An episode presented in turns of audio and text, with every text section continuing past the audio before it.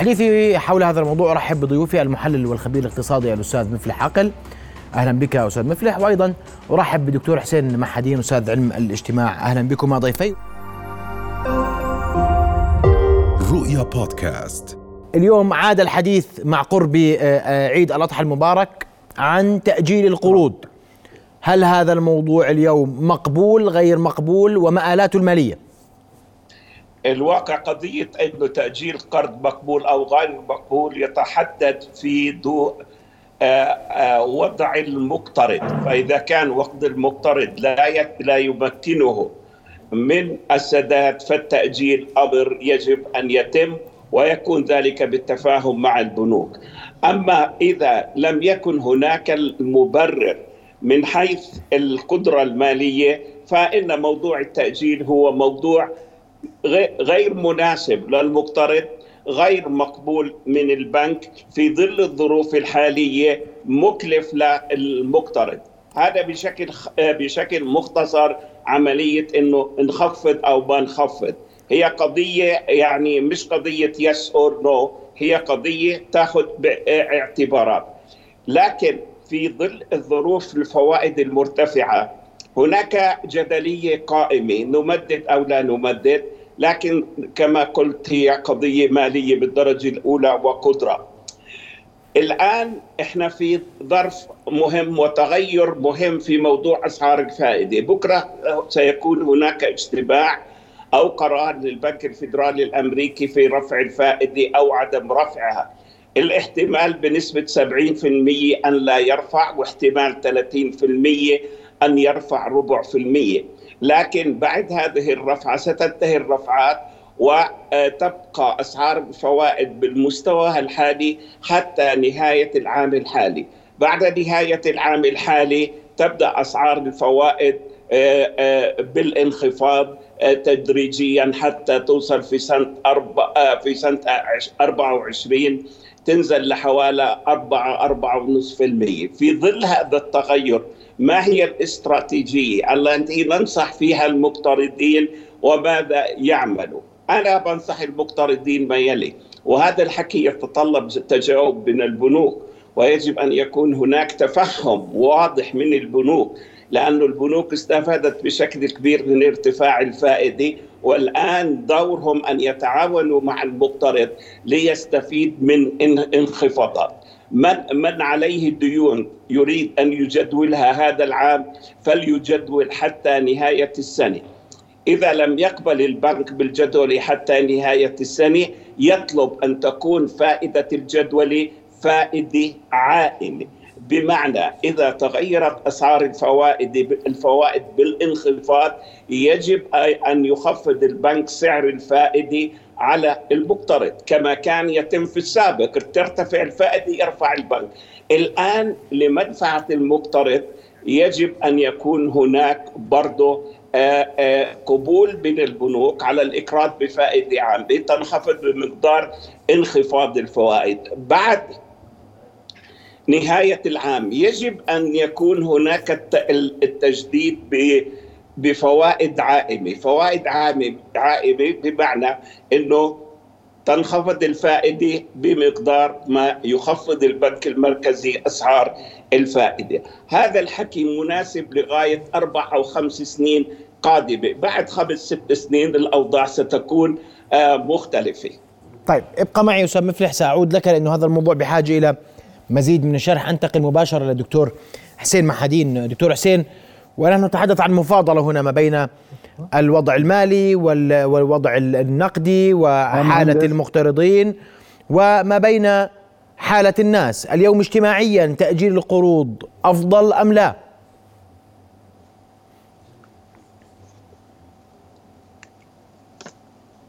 دكتور حسين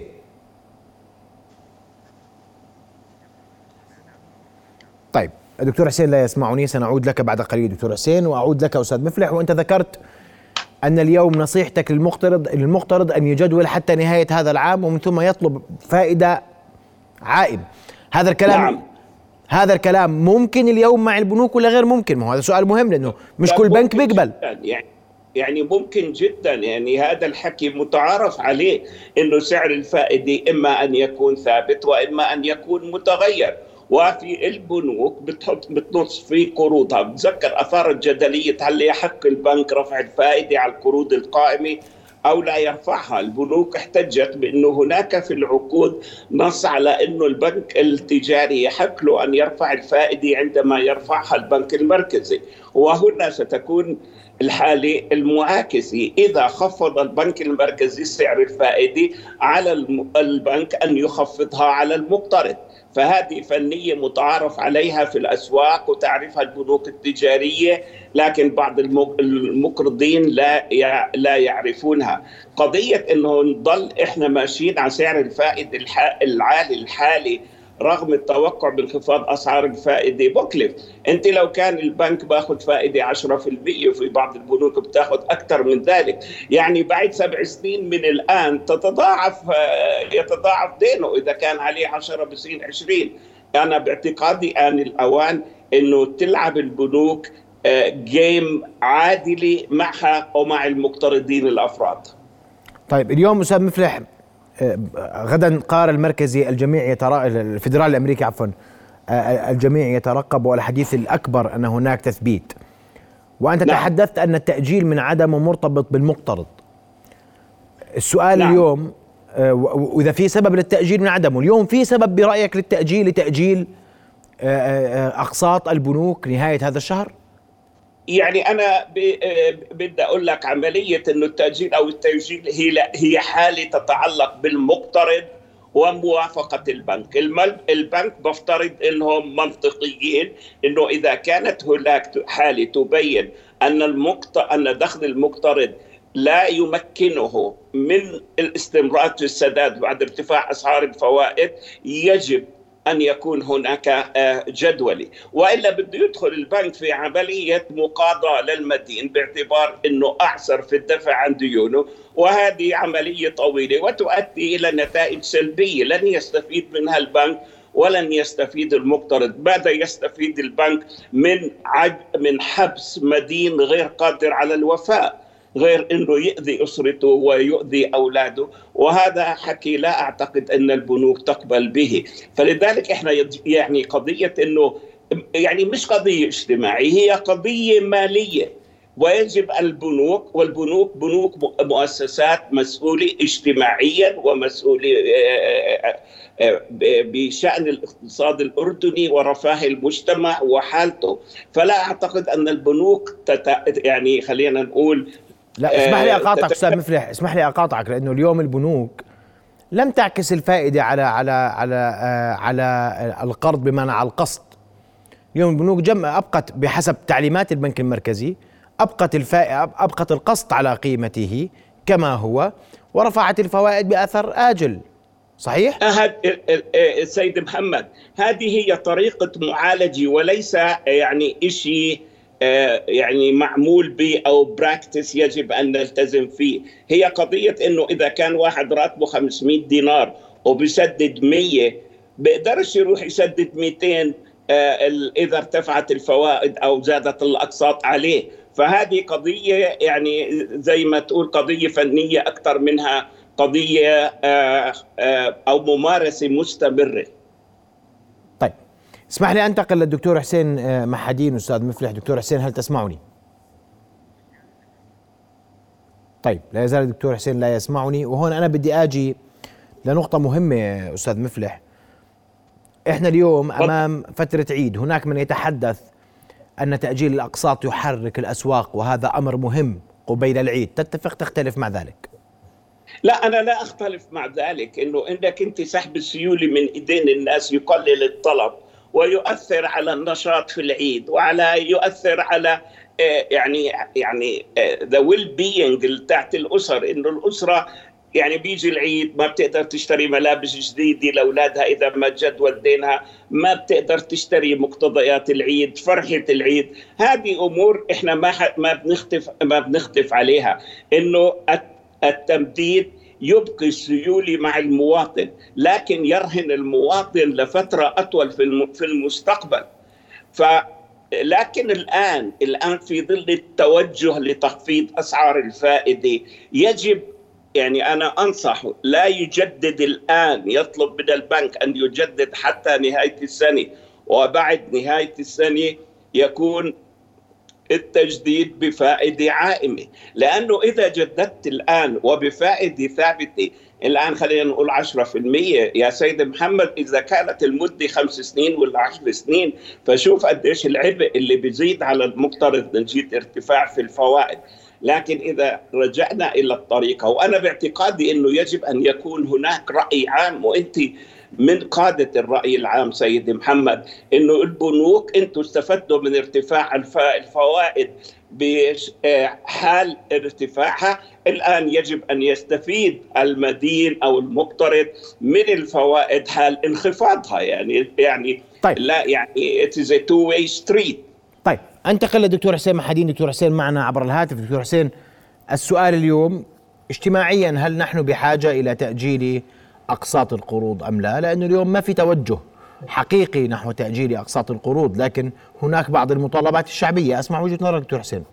شكرا لك ولضيوفك. من الواضح أن قضية تأجيل القروض هي ابتكار أردني بامتياز من جهة ومن جهة ثانية من حق المواطن في الظروف الاستثنائية أن ينال قسطا من دور البنوك المجتمعي الذي من شأنه أن يخفف من غلواء ارتفاع الأسعار والأمور الضاغطة، أنا أعتقد أن المنظومة الرقمية التي تتعامل معها البنوك هي منظومة مجردة، لا تأخذ بالحسبان بعد الأمن المجتمعي. هذه البنوك في الظروف العادية والطبيعية ونحن سعداء بذلك حققت الكثير من الأرباح، وبالتالي نحن الآن في مجتمع في ظل هذه الظروف الاقتصادية نحتاج إلى أن تؤدي هذه المؤسسات المالية جزءا من واجبها الاجتماعي. لذلك نحن لا نتعامل مع الناس كأرقام مجردة أننا فقط سنزيد الفائدة وغيرها، نحن أمام آه، ارتفاع هائل في نسب الفقر والبطالة وأغلب الأردنيين رواتبهم مرتبطة في البنوك وعلى الدولة أيضا أن تفعل ما من شأنه أن يقيم مشاريع تنمويه حقيقية وهكذا. وهذا أيضا المطلب للقطاع الخاص وأصحاب رؤوس الأموال، هناك أموال رقمية آه، يطمح كل منهم أن يبقي عليها مجمده في حساباته وليست مشاريع تنمويه، أقول مرة أخرى من الطبيعي أن الإنسان في ظل هذه الظروف وارتفاع منظور الاستهلاك في الحياة اليومية وارتفاع أعداد الأسرة والتكاليف كل هذه متطلبات منطقية لتأجيل آه، أقساط المقترضين كما لكن دكتور حسين الحديث أن تأجيل الأقساط سيعود على على المقترض بكثير من الويلات لاحقا. حقائق نقدية ومالية يعني. نعم هذا الشق المالي المجرد نعم لا أختلف معه لأنه هو علم قائم بذاته، لكن أيضا ليس من الدقة أن نفكر بالنيابة عن الناس الذين لا يجدون أسباب عيشهم الحقيقيه في ظل ارتفاع الفقر والبطالة وضعف التنمية، الإنسان كإنسان بحاجة أن يحقق الحد الأدنى من الشروط وبالتالي نحن نعرف أن الأردن بمجرد دخوله الخصخصة أعطى للسوق المفتوح أو السوق الحر فرصة واسعة ليراكم أرباحه ويساهم في تطوير المجتمع، الآن مطلوب في ظل هذه الظروف الخاصة والضاغطة على الناس في ظل ارتفاع البطالة أن تقوم هذه المؤسسات بدعم المواطنين وتقديم تسهيلات لهم. طيب سأعود للأستاذ مفلح وأنا بدي أحكي في جانب شق أيضا اجتماعي ومالي أستاذ مفلح. وهنا وإحنا عشناها في رمضان. الرواتب جاءت قبيل العيد صرفت في العيد لم تؤجل الأقساط. كان شهر خمسة وصفه الأردنيين بالشهر الطويل الذي لم ينتهي ولا ينتهي لأنهم كانوا صارفين جزء كبير من أموالهم. في فترة العيد. الأمر سيتكرر في عيد الأضحى. يعني هي ذات المعادلة لأنه بيجي 27 شهر تقريبا. أوكي. شوف سيد محمد أولا أحكي بالنسبة لا كلمة سريعة للي ما تفضل فيه الدكتور حسين. إنه إنه التجديد آه، آه، ليس منتج أردني هو منتج في كل العالم. وكمان بدي أقول البنوك they are not in charity business. البنوك هي مؤسسات تأخذ ودائع الناس وتتعامل فيها وتحقق عائد لهؤلاء الناس وتحقق عائد لمقترضيها أو أو منفعة. بالنسبة لملاحظتك أخي محمد قضية إنه إدارة الموازنة تاعت المواطن هي هناك في عندك خطأ في إدارتها. يعني لما إحنا إذا ما أق... إذا ما دفعت الرواتب قبل العيد بصير ضجه إذا دفعت قبل العيد بعد العيد بعد ما يصرفوها بتصير ضجه هاي الضجه سببها تبعها سوء إدارة موازنة الأسرة. فيعني إيش بدك تعمل؟ البنك إذا ما دفع أو الحكومة إذا ما دفعت مشكلة وإذا دفعت مشكلة. ما في أنت عندك خلينا أقول آه، طريقة آه، في الوسط آه، حتى تقول إنه ولا في الحكومة تعطيك زيادة حتى يعني تسدد الفجوة بين احتياجاتك ودخلك. بدك تروح المحل الوحيد إنك أنت تروح تقترض والإقتراض الفردي عم بتزيد ويشكل نسبة كبيرة جدا من ديون البنوك. ف يعني اللي بتقوله سيد محمد هي مش مشكلة البنوك ولا مشكلة الحكومة.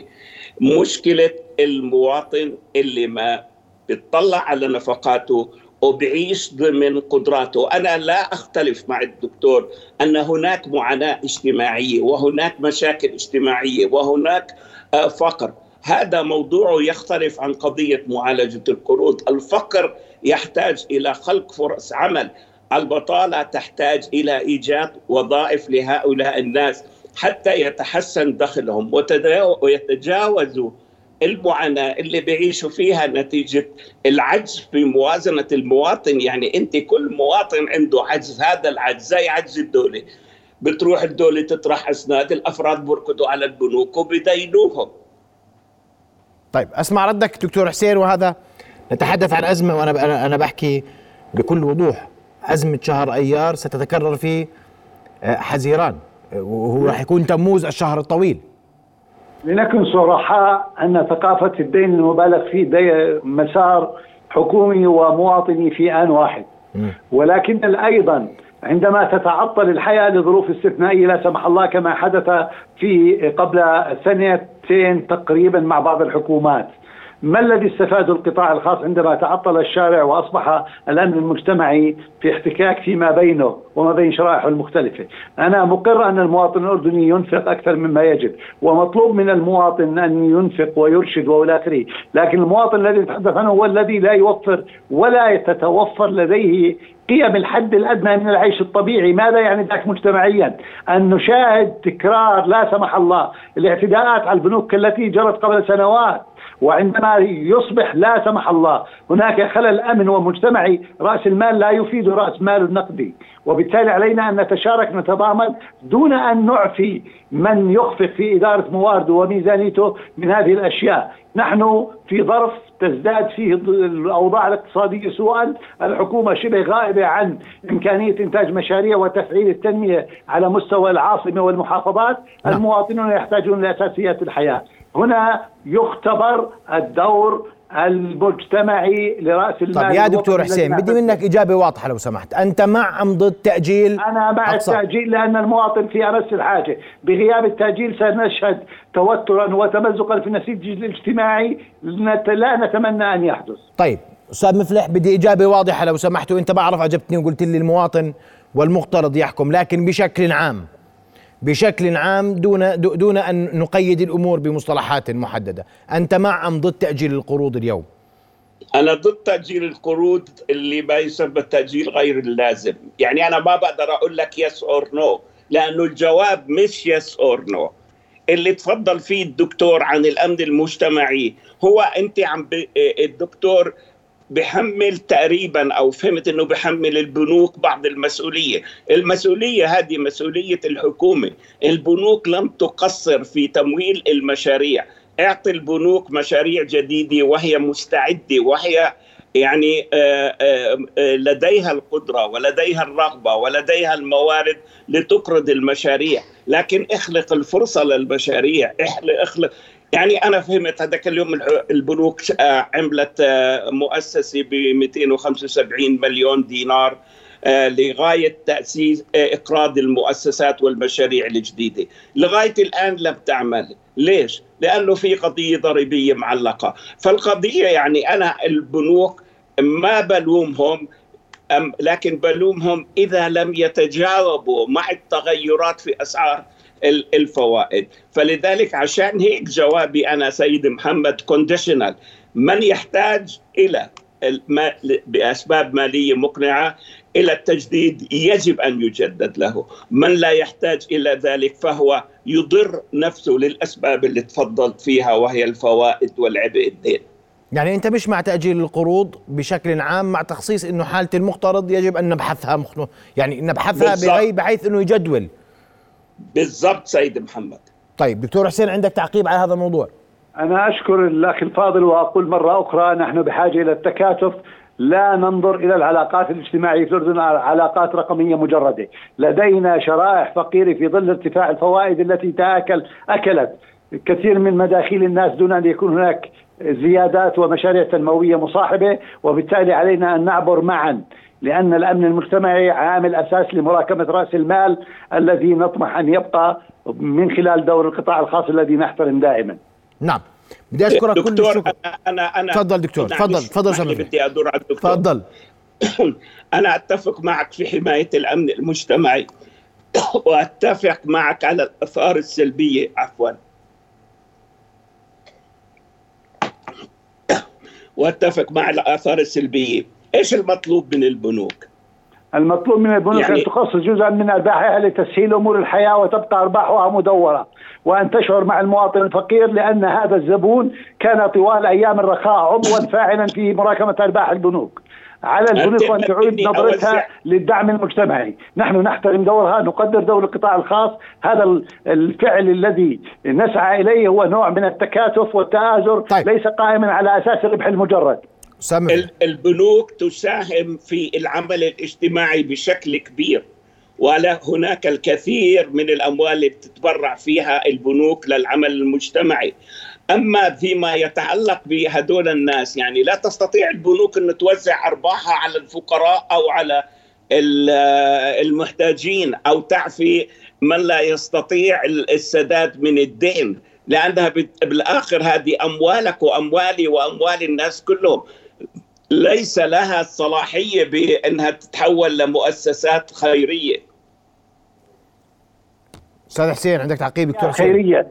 نحن نركز على أن للبنك الذي يتقاضى ارباحا وهذا حقه الطبيعي أن يكون حاضرا عندما نمر في أزمة وطنية.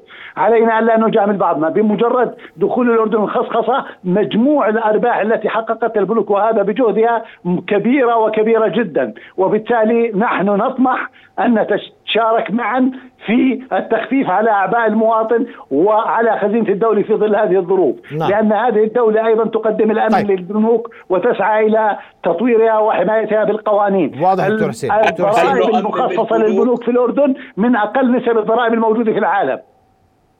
لا سيدي هون بختلف معك لأنه الأرقام اللي آه، آه، آه، ذكرت عن العبء الضريبي في الأردن حوالي 25% وهو من أعلى الأعباء في العالم، الأردن ليس العبء من عليه منخفض. بعدين بدي أقول لك يعني إنه هل البنوك تتحول إلى تشاريتي انستتيوشنز وتقول 50% من الأرباح للفقراء والمساكين والعاملين عليها والمؤلفة قلوبهم طيب أنا أعتقد, أعتقد اسمح لي دكتور دكتور حسين. تفضل يا دكتور. أخي الفاضل أنا فضل. أعتقد أن زج القيمة الدينية فيما تفضلت فيه هو نوع من الانزياح عن الجوهر علينا طيب. ان نقول أن البنوك تحقق ارباحا طائلة وعليها واجب اجتماعي وأخلاقي قبل ذلك أن تسهل على المواطنين، المواطن الأردني يعاني طيب. كجزء من مسيرة عامة، لنتكاتف مع بعض حماية لأمننا المجتمعي الذي لن يستقيم إلا بالتكافل وبالعمل المساند لبعضنا البعض واضح دكتور دون إلغاء حق المملوك في الأرباح. طيب واضح دكتور حسين بدي أشكرك كل الشكر وسبب فرح بدي أشكرك كل الشكر أيضا على وجودك معنا. رؤيا بودكاست